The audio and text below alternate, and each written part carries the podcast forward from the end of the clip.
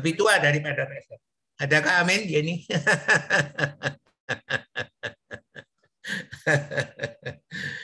ya, jangan marah ya, oke? Okay? Dan sekarang kita lihat ya. Lalu pergilah Abram seperti yang difirmankan Tuhan kepadanya. Dan Lot pun ikut bersama-sama dengan Abram, yaitu ponaannya, anak Haran tadi, Lot. Abram berumur 75 tahun ketika Abram berangkat dari Haran. Umurnya sudah tua loh, 75 tahun loh. Abram membawa Sarai istrinya dan Lot anak saudaranya dan segala harta benda yang didapat mereka dan orang-orang yang diperoleh mereka di Haran. Ya, yang di Haran sini yang mereka dapat. Mereka berangkat ke tanah Kanaan lalu sampai di situ. Ya. Ini adalah Kanaan, ya. Jadi Abraham ikut firman Tuhan pergi.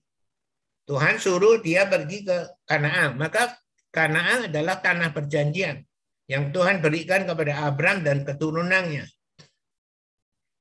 Lalu sampai di situ, Abraham berjalan melalui negeri itu sampai ke suatu tempat dekat Sikem. Ya ini terbantin timur waktu itu orang Kanaan diam di negeri ini ya kira-kira di daerah sini. Ya. Ketika itu Tuhan menampakkan diri kepada Abram dan berfirman, "Aku Tuhan akan memberikan negeri ini kepada keturunanmu, kepada keturunanmu."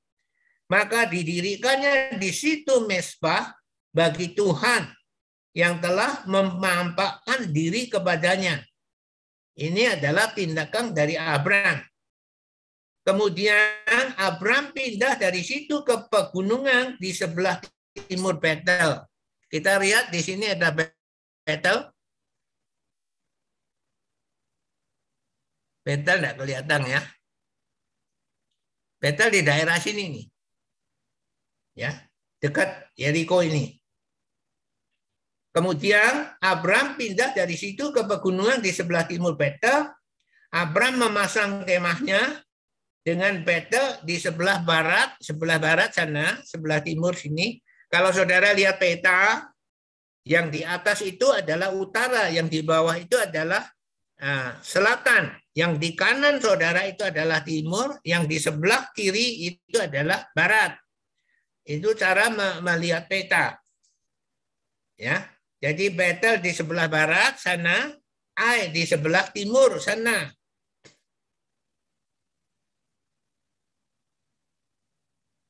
Lalu Abram mendirikan di situ mesbah bagi Tuhan dan memanggil nama Tuhan. Sesudah itu Abram berangkat dan makin jauh Abram berjalan ke tanah Negeb ke seni. Ini adalah tanah Kanaan.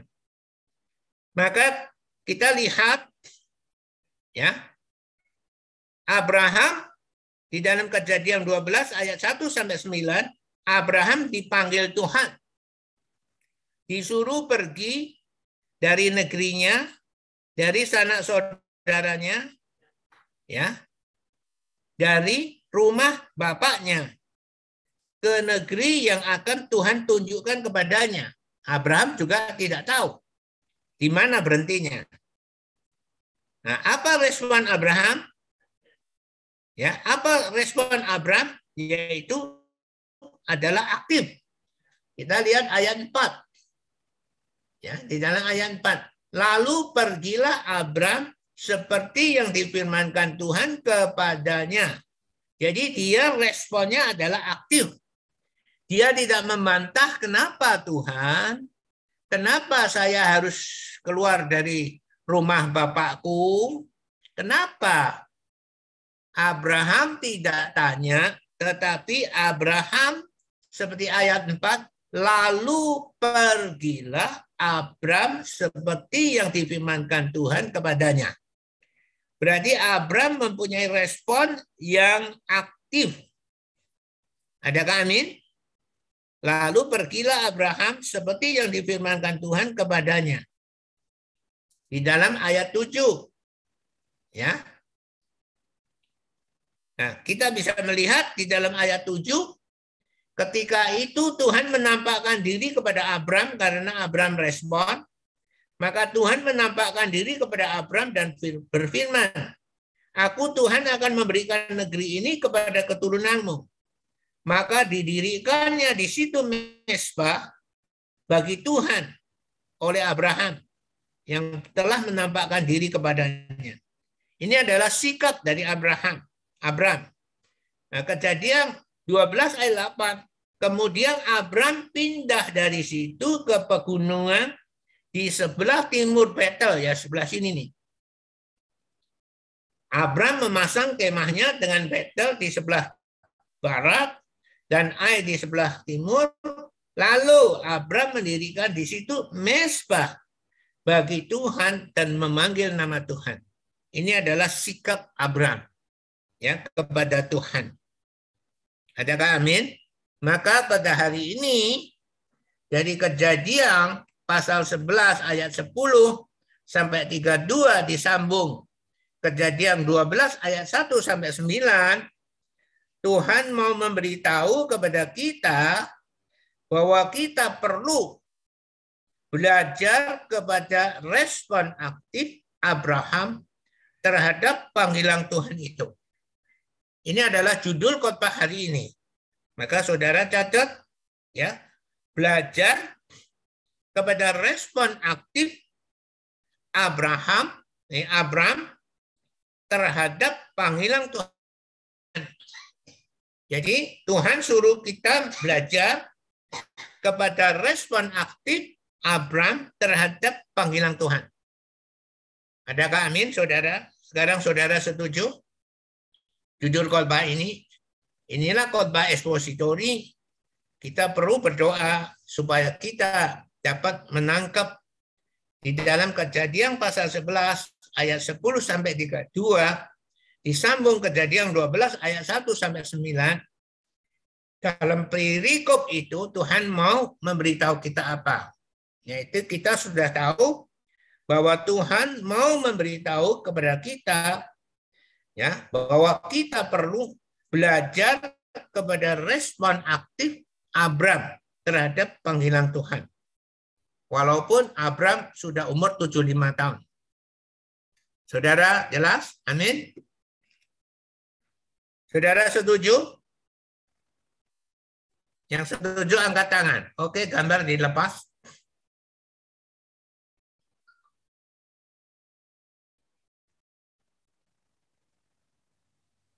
Ya, gambar dilepas, Iren. Haleluya.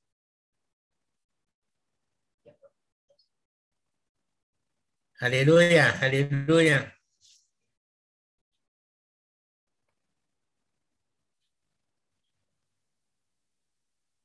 Haleluya, haleluya. Nah, ini adalah respon Abram terhadap panggilan Tuhan. Nah, sekarang kita bandingkan dengan orang yang terkenal juga, yaitu Nabi Musa. Nabi Musa sangat terkenal karena dia dipanggil Tuhan di Gunung Sinai 40 hari 40 malam dan Tuhan menceritakan bagaimana Tuhan ya menciptakan surga dan bumi dan seluruh isinya. Jadi Musa bisa menulis lima kitab, yaitu kitab kejadian, kitab keluaran, walaupun ya Musa lahir di dalam keluaran, tetapi setelah dia lahir besar itu adalah ya perjalanan sejarah dia sampai imamat bilangan ulangan. Tetapi kejadian itu Musa belum mengalaminya. Tetapi ini adalah terkenal sekali sehingga Tuhan memberi dia kesempatan untuk menulis ya kitab kejadian. Nah, lima kitab ini adalah kitab Taurat. Jadi saudara sekarang jelas, amin. Nah sekarang kita bandingkan Bagaimana respon dari Nabi Musa yang begitu besar itu, ya, ketika Musa dipanggil oleh Tuhan. Kita lihat keluaran keluaran tiga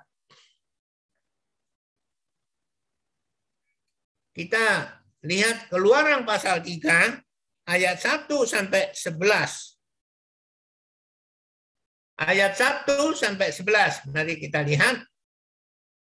Musa juga dipanggil oleh Tuhan. Ya. Kejadian keluaran 3 ayat 1 firman Tuhan mengatakan, adapun Musa ia biasa mengembalakan kambing domba Yitro mertuanya imam di Midian. Sekali ketika ia mengiring kambing domba itu ke seberang padang gurun, sampailah Musa ke gunung Allah. Ya ini gunung Horeb. Ya, gunung Horeb adalah gunung Allah menurut Alkitab. Lalu malaikat Tuhan menampakkan diri kepada Musa di dalam nyala api yang keluar dari semak duri. Jadi semak durinya terbakar, ada nyala api. Lalu Musa melihat dan tampaklah semak duri itu menyala, menyala api, tapi tidak dimakan api. Wih, kok aneh? Ya, itu menarik menarik Musa untuk memeriksa.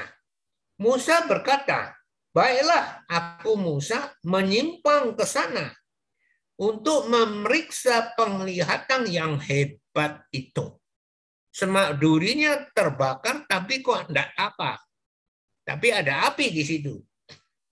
Maka Musa tertarik, baiklah aku menyimpang ke sana untuk memeriksa penglihatan yang hebat itu.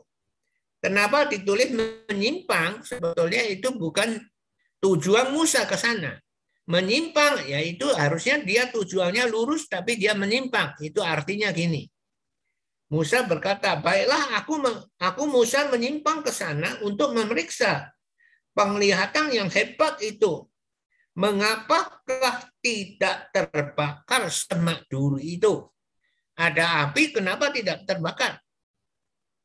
Ya ini kalau Tuhan mau menyatakan diri ya seperti ini. Ketika dilihat Tuhan bahwa Musa memeriksanya, berserulah Allah dari tengah-tengah semak duri itu kepada Musa. Musa, Musa. Dan tuh dan Musa menjawab, "Ya Allah." Lalu lalu Allah berfirman, "Janganlah datang dekat-dekat. Jangan datang dekat-dekat. Tanggalkan kasutmu. Yaitu mereka sandal tapi ada kasutnya. Dari kakimu. Sebab tempat di mana engkau berdiri itu adalah tanah yang kudus. Itu punya Tuhan. Lagi Allah berfirman, Akulah Allah ayahmu. Ya, Musa adalah keturunan Lewi, saudara. Lewi adalah orang yang orang Lewi yang bisa menjadi imam. Musa adalah keturunan Lewi. Memang kita di dalam Alkitab tidak disebut ayah Musa bernama siapa, tapi disebut ibunya. Akhirnya ibunya dipanggil sebagai pengasuh Musa, yaitu ibu kandungnya sendiri. Karena kakaknya Musa minta Ratu Firaun, boleh enggak aku memanggil pengasuh bagi bayi yang sangat menarik itu. Musa kan sangat menarik sekali. Boleh. Maka kakaknya memanggil ibu kandungnya, yaitu ibu kandung Musa, untuk menyusui Musa. Tapi tidak disebut ayahnya. Tapi ini Tuhan mengatakan, akulah Allah ayahmu. Ya jelas. Allah Abraham. Allah Isa dan Allah Yakub. Lalu Musa menutupi mukanya sebab Musa takut memandang Allah. Karena Allah sangat bersinar mukanya. Dan Tuhan berfirman. Tuhan adalah nama Allah itu. Ya, kalau Mandarin Tuhan di sini disebut Yehova. Ya, amin. Dan Tuhan berfirman, Aku telah memperhatikan dengan sungguh kesengsaraan umatku di tanah Mesir. Dan aku Tuhan telah mendengar seruan mereka yang disebabkan oleh pengerah-pengerah mereka. Pengerah saudara tahu, yaitu mandor-mandor yang menyiksa mereka. Ya, aku Tuhan mengetahui penderitaan mereka. Sebab itu aku Tuhan telah turun untuk melepaskan mereka dari tangan orang Mesir dan menuntun mereka keluar dari negeri itu, yaitu negeri Mesir, ke suatu negeri yang baik dan luas. Suatu negeri yang berlimpah-limpah susu dan madunya. Jadi bangsa Israel akan dibawa ke situ ke tempat orang Kanaan. Nah, maka ini kenapa ada masalah orang Israel dengan Palestina? Ini memang janji Tuhan. Ya. Kalau orang Israel kembali ke Urs Kadim, tidak mungkin orang Urs Kadim mau menerima. Saudara mengerti? Amin. Itu tanah kelahiran mereka sebetulnya di Urus Kadim. Maka saudara harus percaya Alkitab di dunia ini ada satu negara yang satu bangsa yang tidak punya tanah, yaitu bangsa Israel. Jadi saudara mengerti ini karena janji Tuhan. Ya, oke.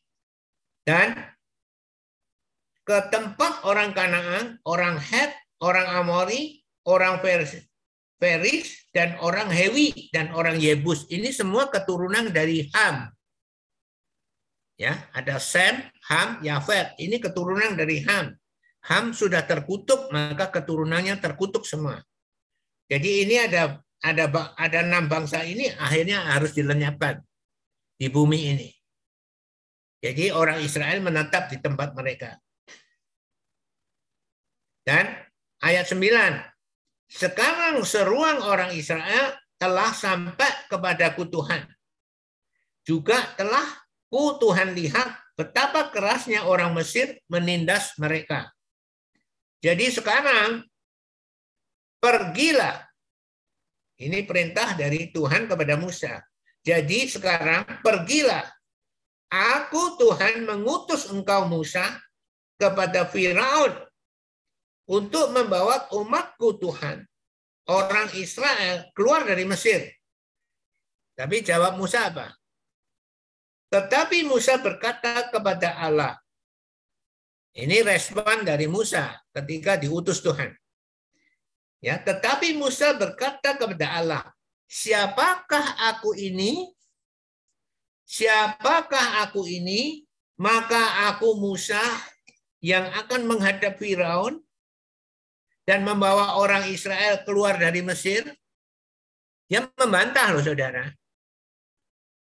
Yang satu Abraham, lalu pergilah Abraham menurut perintah Tuhan itu.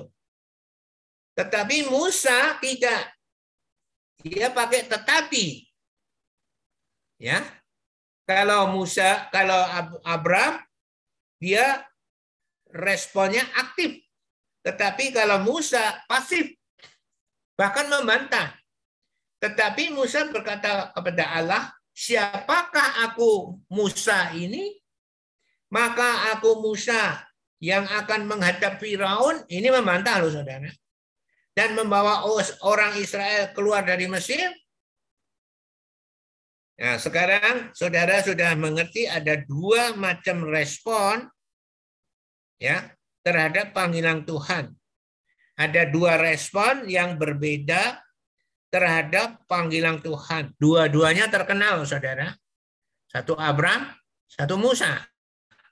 Bahkan ketika Yesus berubah rupa, ya seperti Tuhan, dia bicara kepada Musa dan Elia. Luar biasa nggak Musa ini? Tetapi apa yang terjadi? Musa pada mulanya adalah mempunyai respon yang pasif bahkan memandal.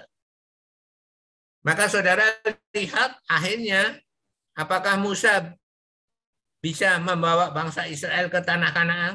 Bisa, tapi Musa sendiri tidak bisa masuk. Ini bedanya respon aktif dan respon pasif bahkan membandel. Maka sekarang kita bisa melihat sekarang kita bandingkan ya dua kita melihat dua respon yang berbeda terhadap panggilan Tuhan. Adakah amin? Adakah amin?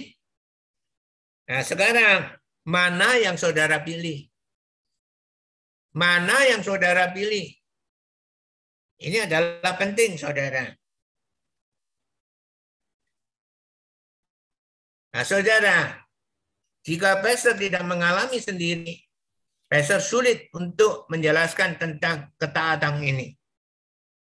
Saudara, pastor mau menjelaskan, yaitu kesaksian pastor, sebetulnya ini sudah berulang-ulang, pastor ya beritakan kepada saudara. Tapi pastor tidak akan jemu-jemunya karena ini kenyataan yang pastor alami. Ini pastor sendiri yang alami tentang panggilan Tuhan. Ya. Bahwa di sini pastor mau bersyukur ya, dapat aktif respon kepada panggilan Tuhan. Pastor mau bersyukur bahwa pastor dapat aktif respon kepada panggilan Tuhan. Yaitu pada tanggal 26 Oktober 1997. Ketika anak sulung saya mendoakan pastor dan di bahu kanan ini ada tiga menit aliran listrik yang sangat-sangat enak sekali. Ya, waktu itu pastor mengambil keputusan karena pastor sekalipun sudah diberi hole in one pada tanggal 3 Oktober 1997, yaitu berselang hanya 23 hari, pastor sebelumnya 23 hari dapat hole in one, dan pastor menetapkan untuk percaya kepada Tuhan, tapi tanggal 26 itu pastor benar-benar terkejut. Kenapa ada listrik? Sedang anak saya tidak memegang kabel listrik. Tapi itu jelas ada listrik. Nah itu pastor sungguh-sungguh terkejut. Pastor backgroundnya adalah orang yang tidak percaya kepada Tuhan sejak TK. Perhatikan, bukan seperti saudara. Saudara mungkin lahir sudah di dalam keluarga Kristen. Tapi pastor adalah orang yang sejak lahir sampai TK, sampai SD, sampai SMP, SMA, diajar tentang tidak adanya Tuhan. Yaitu namanya ateis, tidak percaya ada Tuhan. Bagaimana pastor bisa percaya pada Tuhan? Maka ketika ada listrik, itu pastor benar-benar terkejut. Maka orang ateis, apa yang dia bisa lihat dan apa yang dia rasakan, dia akan percaya. Itulah hebatnya Tuhan. Maka ketika ada listrik, ketika anak anak sulung saya mendoakan saya, ya saya langsung ambil keputusan. Oh, Tuhan itu, Tuhan Yesus itu sungguh ada. Dan Tuhan Yesus itu sungguh sudah naik ke surga. Maka jangan main-main lagi kepada Tuhan Yesus. Kalau tidak, listrik itu dari mana? Karena anak saya tidak megang kabel listrik. Dan saya ambil keputusan. Apa yang dikatakan Tuhan akan saya laksanakan. Itu keputusan saya. Pada tanggal 26 Oktober 1997. Sudah 24 tahun lebih Saudara, saudara, ini adalah keputusan dari pastor. Pastor bersyukur mempunyai respon yang aktif. Dan karena respon aktif itu pastor diberi firman. Mazmur pasal 1 Coba Mazmur bukan pasal 5, pasal 50, pasal 150, tapi Mazmur pasal 1, Saudara. Ayat 1 sampai 3. Berarti pembukaan dari kitab Mazmur. Apa bunyinya? Berbahagialah orang yang tidak berjalan menurut nasihat orang fasik, yang tidak berdiri di jalan orang berdosa, yang tidak duduk di di dalam kumpulan pencemooh. Tetapi yang kesukaannya ialah Taurat Tuhan. Dan yang merenungkan Taurat itu siang dan malam. Nah inilah yang membuat pastor sejak itu karena itu firman firman Tuhan yang pertama ketika pastor percaya yang diberikan pada pastor pastor hafalkan Ya seperti pohon yang ditanam di tepi aliran air yang menghasilkan bukan yang akan tapi yang menghasilkan itu berarti pasti. Yang menghasilkan buahnya pada musimnya dan yang tidak layu daunnya dan apa saja yang diperbuatnya berhasil.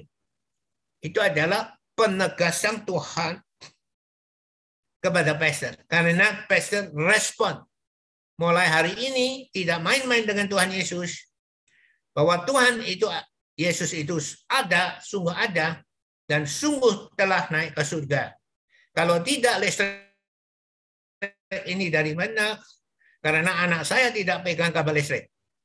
Maka apa yang dikatakan Tuhan akan saya laksanakan. Ini adalah respon aktif. Ya, pastor bersyukur karena pastor bisa mempunyai respon yang aktif. Dan sejak itu mulai membaca Alkitab. Pastor belum diajar Alkitab loh, tapi menghafalkan sendiri loh. Tidak ada orang yang suruh menghafalkan. Karena itu peng, peng, pemberian pertama firman yang diberikan pada pastor. Pastor hafalkan. Tidak ada yang suruh pastor menghafalkan. Pastor menghafalkan sendiri. Sejak itu pastor membaca Alkitab, merenungkan Alkitab. Karena di situ disebut yang merenungkan Taurat itu siang dan malam. Sejak itu pastor membaca Alkitab dan merenungkan Alkitab. Dan apa yang terjadi? Dan pastor berani mengajar anak-anak buah perusahaan pastor. Mereka belum percaya semua. Tapi pastor berani mengajar. Karena mereka anak buah Master di dalam perusahaan. Kalau nggak mau ya boleh keluar. Mereka dikumpulkan setiap pagi. Pastor mengajar Alkitab. Saudara, ini adalah respon aktif. Pastor bersyukur bisa seperti itu. Dan apa yang terjadi? Dan setelah itu Pastor bersaksi, bersaksi, bersaksi, akhirnya membuat satu buku kesaksian gara gara hole in one ya. Dan terus ikut bergerakan sampai 1 April 1999 Pastor percaya kepada Tuhan adalah 3 Oktober 97 ini 1 April 1999 berarti satu setengah tahun kemudian Pastor mengenal amanat agung Tuhan Yesus pada jam 1 April 1999 jam 8 pagi tepat Pastor ikut satu gereja amanat agung Tuhan Yesus di kota Solo. Dan Pastor mulai mengenal amanat agung Tuhan Yesus. Dan Juli yaitu 1999 pastor diizinkan ikut pembedahan Alkitab. Pembedahan Alkitab itu ternyata ada terjemahannya. Pembedahan Alkitab itu pakai khotbah bangsa Inggris. Tetapi itu ada penterjemahannya. maka pastor didorong untuk ikut karena pastor bisa Mandarin. Dan sebelum pastor ikut tiga bulan yang sebelumnya itu baru pertama-tama bahwa kota Inggris itu diberi penterjemahan bahasa Mandarin. Jadi tiga bulan sebelumnya.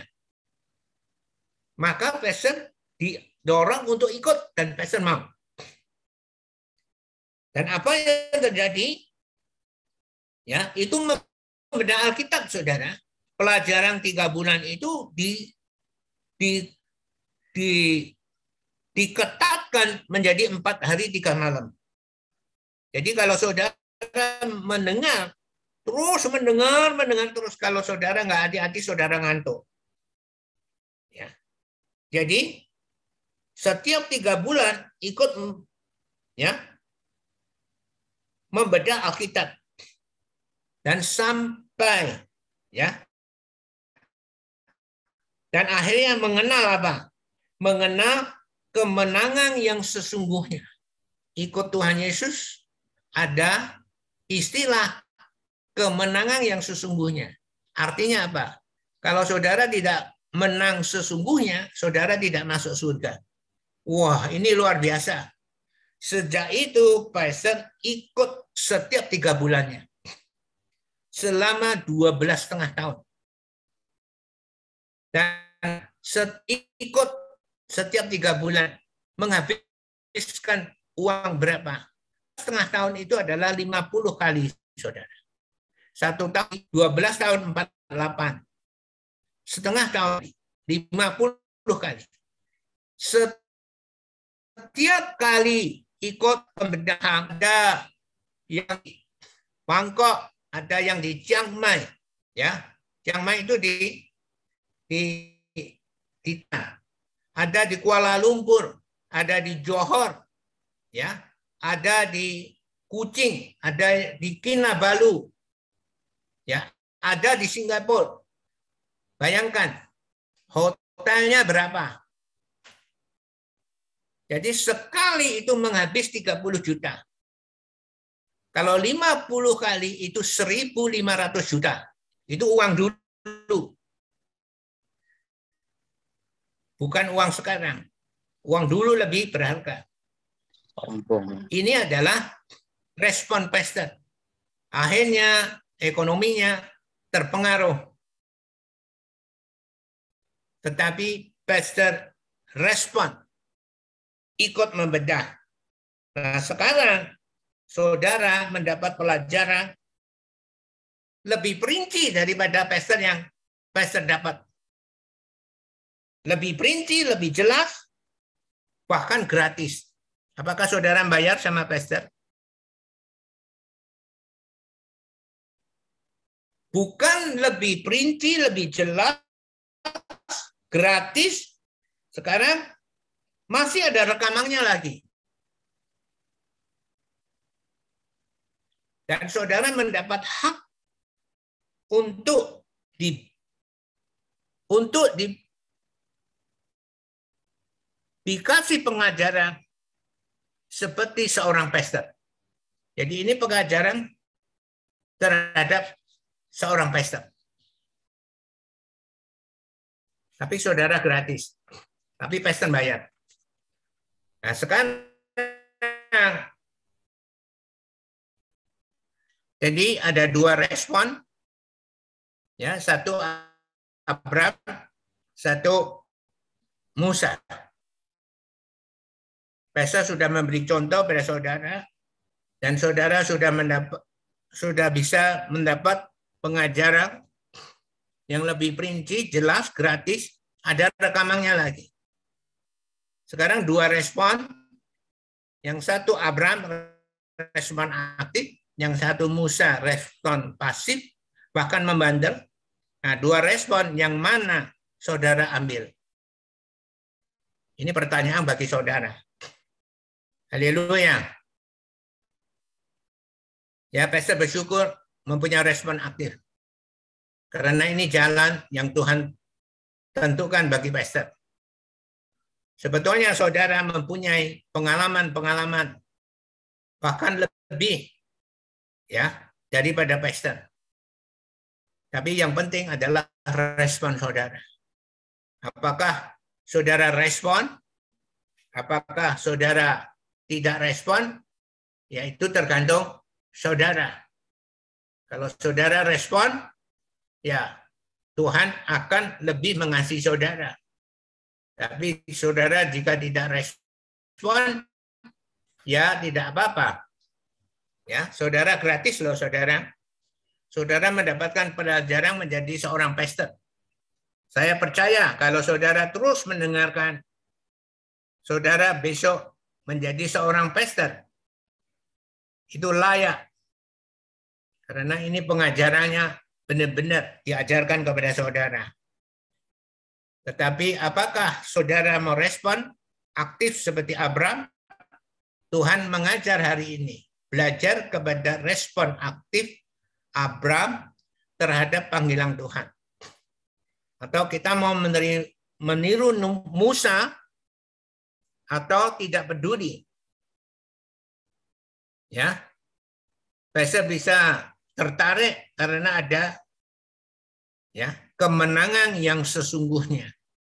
Itu sama dengan Matius 7 ayat 21 23, bukan setiap orang yang berseru-seru kepada Tuhan, Tuhan akan masuk dalam kerajaan surga.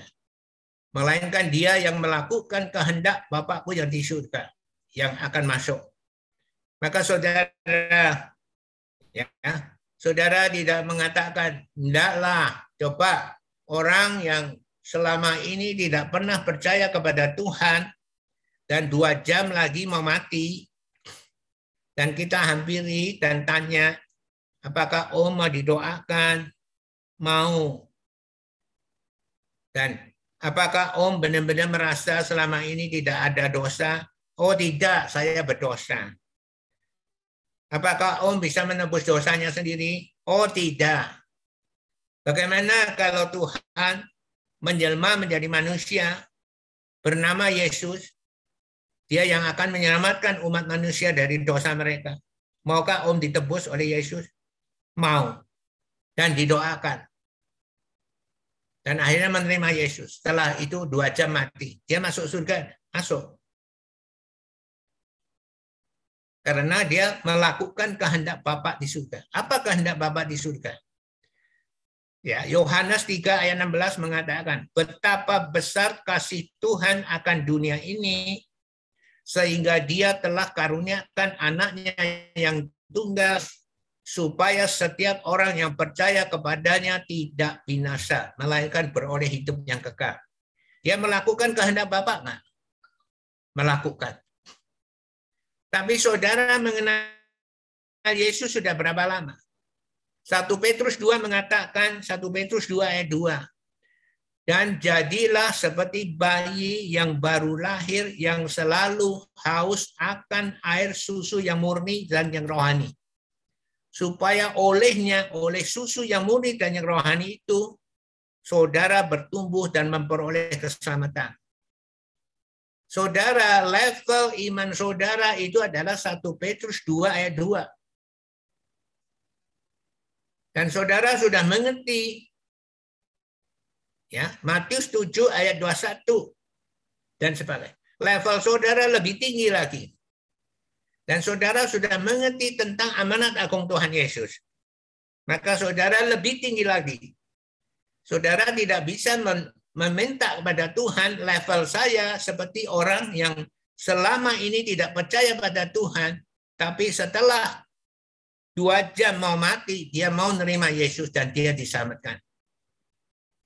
Jadi saudara, Tuhan melihat level orang, level iman saudara, level iman seseorang berdasarkan level iman itu. Apakah level iman itu iman, level iman TK, level iman SD, level iman SMP, level iman ya SMA atau level iman nah, universitas atau level iman yang lulus universitas. Maka amanat agung Tuhan Yesus itu adalah level iman yang paling tinggi. Nah sekarang, saudara, Dua respon. Satu Abraham, satu Musa. Satu respon aktif, satu respon tidak aktif bahkan membandel. Nah, dua respon yang mana yang mana yang saudara pilih. Itu adalah keputusan saudara sendiri. Tetapi pastor sudah memberi contoh kepada saudara. Pastor aktif sampai detik ini. Ya. Dan kalau melihat rupa pastor ya tetap rupanya ya seperti itu. Dulu muda ya seperti itu, waktu tua ya seperti itu. Ya, selalu semangat. Karena pastor punya tujuan. Yaitu memenuhi amat agung Tuhan Yesus sampai menghembuskan nafas terakhir. Jadi saudara, nah, Tuhan mengajar kepada kita hari ini adalah belajar respon aktif Abraham terhadap panggilan Tuhan. Ya, apakah saudara mau respon aktif Abraham ya Abraham terhadap panggilan Tuhan? Ada tiga respon aktif Abraham terhadap panggilan Tuhan. Yang pertama, ya panggilan Abraham pergilah Abraham Abraham seperti yang difirmankan Tuhan kepadanya. Ini adalah respon aktif dari Abraham diambil di Kejadian 12 ayat 1 sampai 6 dan difokuskan pada ayat 4. Ya, kita bisa melihat Kejadian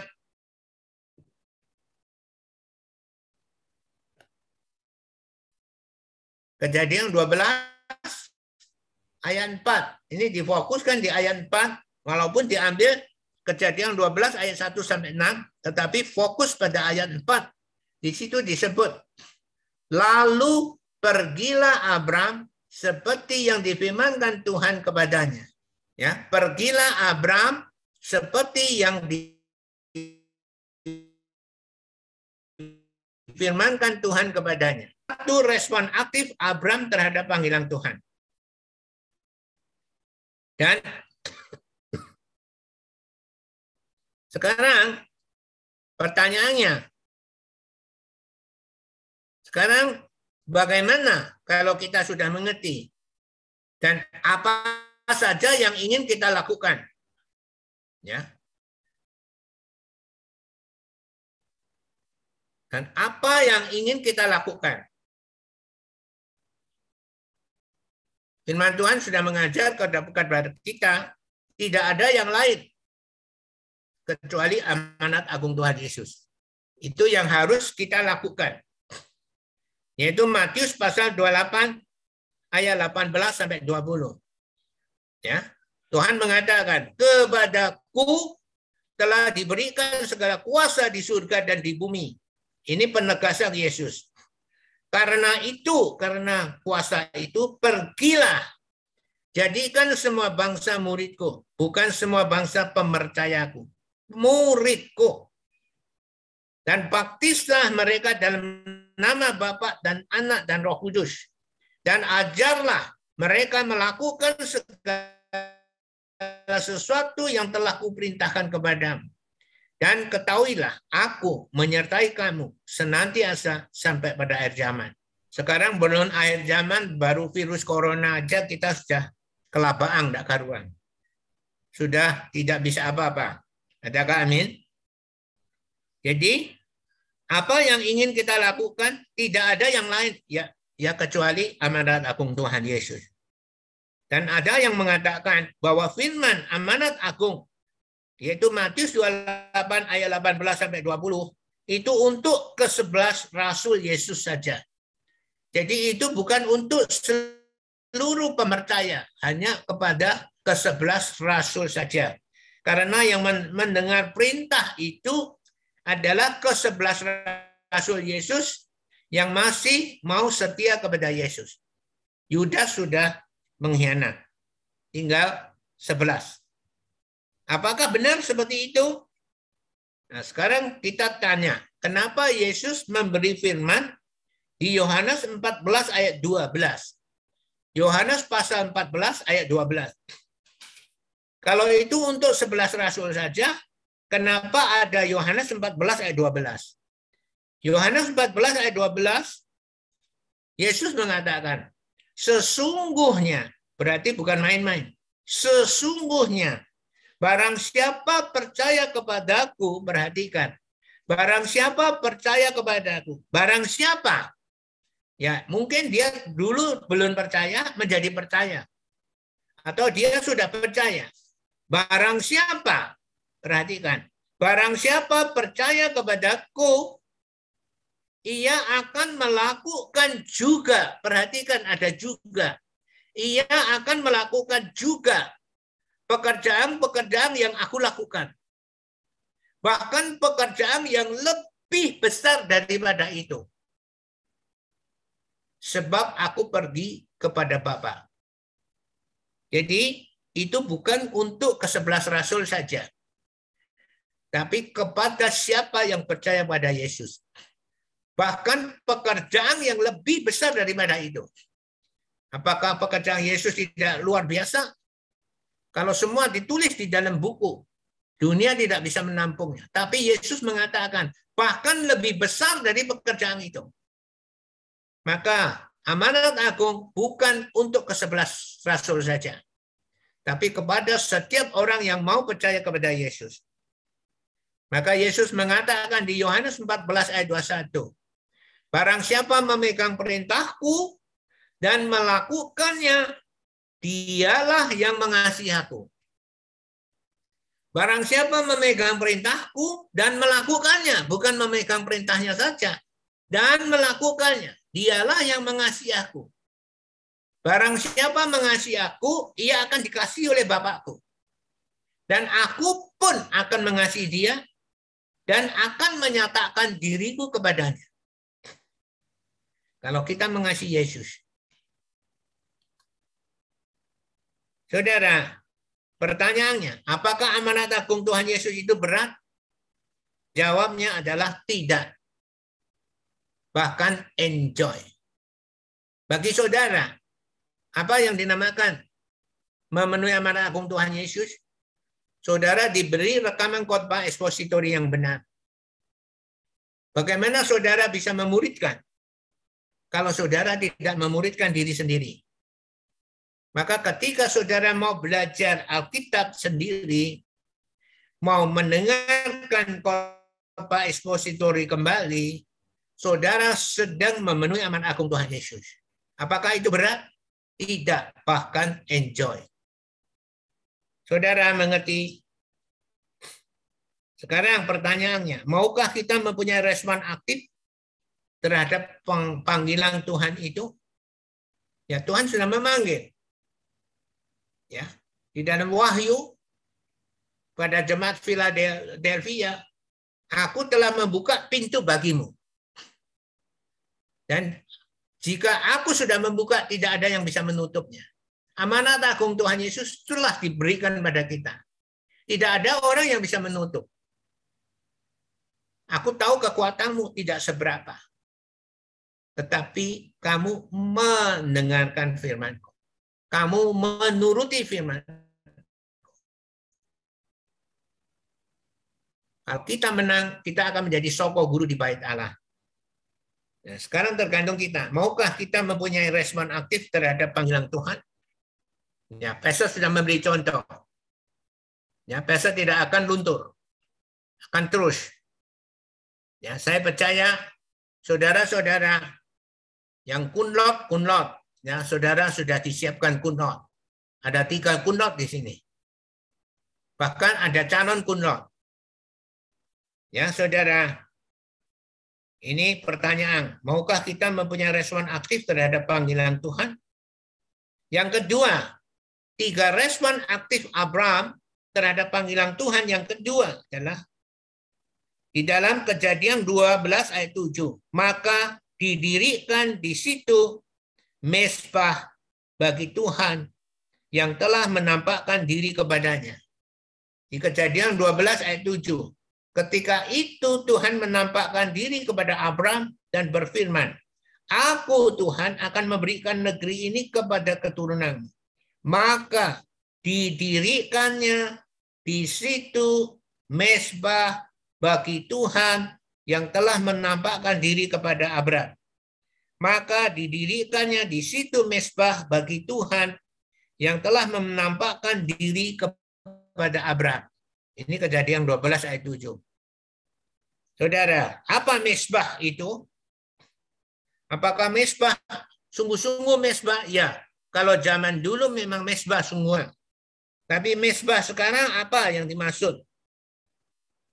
Kalau kita selalu bisa mengucap syukur kepada Tuhan atas apa yang Tuhan telah perbuat di dalam hidup kita itu, itu adalah mesbah bagi Tuhan. Saudara mendengarkan pengajaran ini, saudara harus bayar 1.500 juta uang dulu. Sekarang saudara gratis. Kalau saudara bisa mengucap syukur kepada Tuhan atas apa yang Tuhan telah perbuat di dalam hidup saudara, itu adalah saudara membangun mesbah bagi Tuhan. Saudara percaya, pastor tidak bohong. 12 setengah tahun itu benar-benar menghabiskan uang pastor. Ya, amin. Baru bisa pastor bisa mengajar pada saudara. Bahkan lebih perinci, lebih jelas, gratis lagi. Kalau saudara bisa mengucap syukur, saudara membangun mesbah bagi Tuhan. Ya, amin. Yang ketiga, tiga respon aktif Abram ya terhadap panggilan Tuhan. Yang ketiga adalah setiap Abraham dari tempat ke tempat lain selalu mendirikan mesbah bagi Tuhan dan memanggil nama Tuhan. Kejadian 12 ayat 8 sampai 9. Kemudian Abram pindah dari situ ke pegunungan di sebelah timur Betel Abram memasang kemahnya dengan Betel di sebelah barat dan Ai di sebelah timur.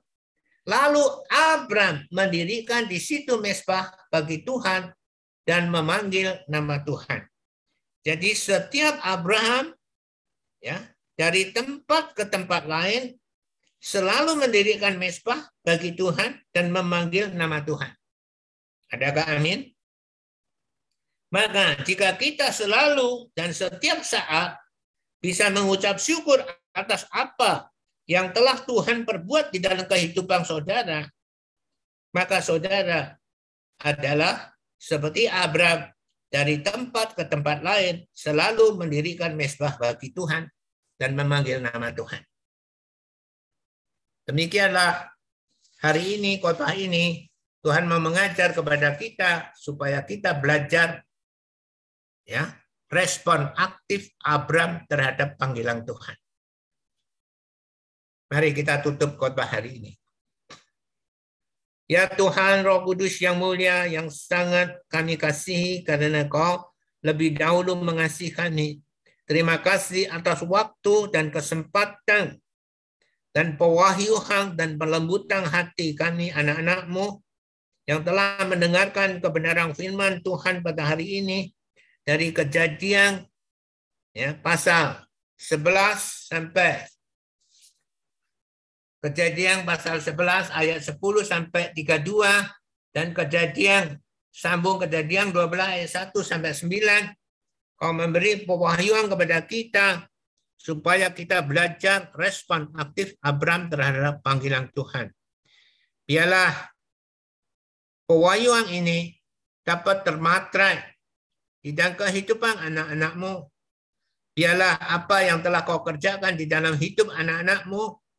Bahkan kau telah benar-benar membimbing anakmu Aquila sebagai pastor anak-anakmu. Tubuh Kristus Jogja yang telah kau kembangkan ke seluruh kota-kota di Indonesia bahkan tembus ke Singapura. Itu benar-benar kau dengar dan kau kabulkan. Dan anak-anakmu tidak ragu lagi. Dan benar-benar akan respon aktif terhadap panggilanmu yaitu amanat agung Tuhan Yesus. Bahkan tidak merasa berat, bahkan enjoy, menikmati di dalam memenuhi amanat agung Tuhan Yesus, yaitu dengan mendengarkan khotbah-khotbah ekspositori yang benar kembali. Sehingga anak-anakmu mempunyai fondasi yang kuat untuk bagaimana membaca Alkitab dengan benar.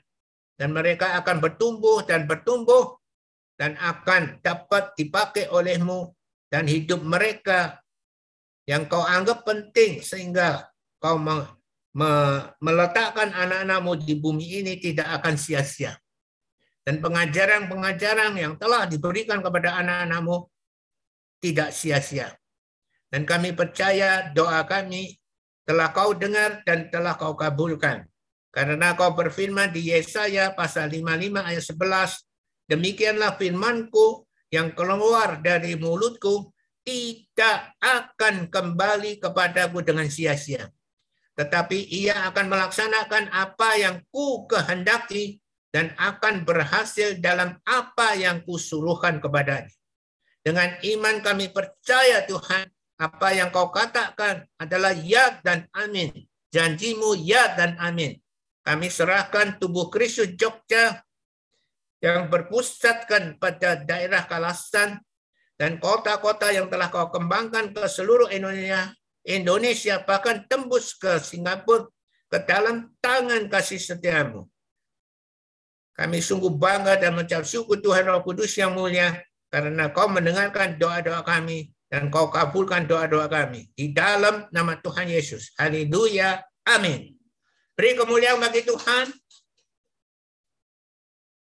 Ya, ada pertanyaan, Marni. Ya, Pester. Uh, pertanyaan belum ada, Pester. Terima kasih untuk khotbahnya mengingatkan kembali untuk bagaimana kita merespon panggilan dari Tuhan. Terima kasih, Pester. Ya, haleluya. Bagaimana Nadine? Shalom Pester, mohon maaf Halo. tadi uh, Pak Nadine terlambat masuk karena Nadine kebetulan lagi di kampung dan jaringannya agak susah untuk khotbahnya. Tengahnya Nadine bisa ambil sedikit nanti semoga apa Nadine dengar kembali lagi khotbahnya jadi bisa lebih paham lagi. Terima kasih Pester. Ya, haleluya. Bagaimana Agil? Terima kasih Pester buat khotbahnya pada hari ini Pester. Khotbahnya sangat jelas. Terima kasih Pester. Haleluya. Bagaimana Noval?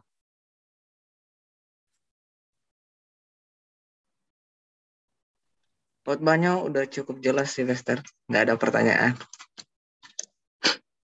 Haleluya. Bagaimana Iren?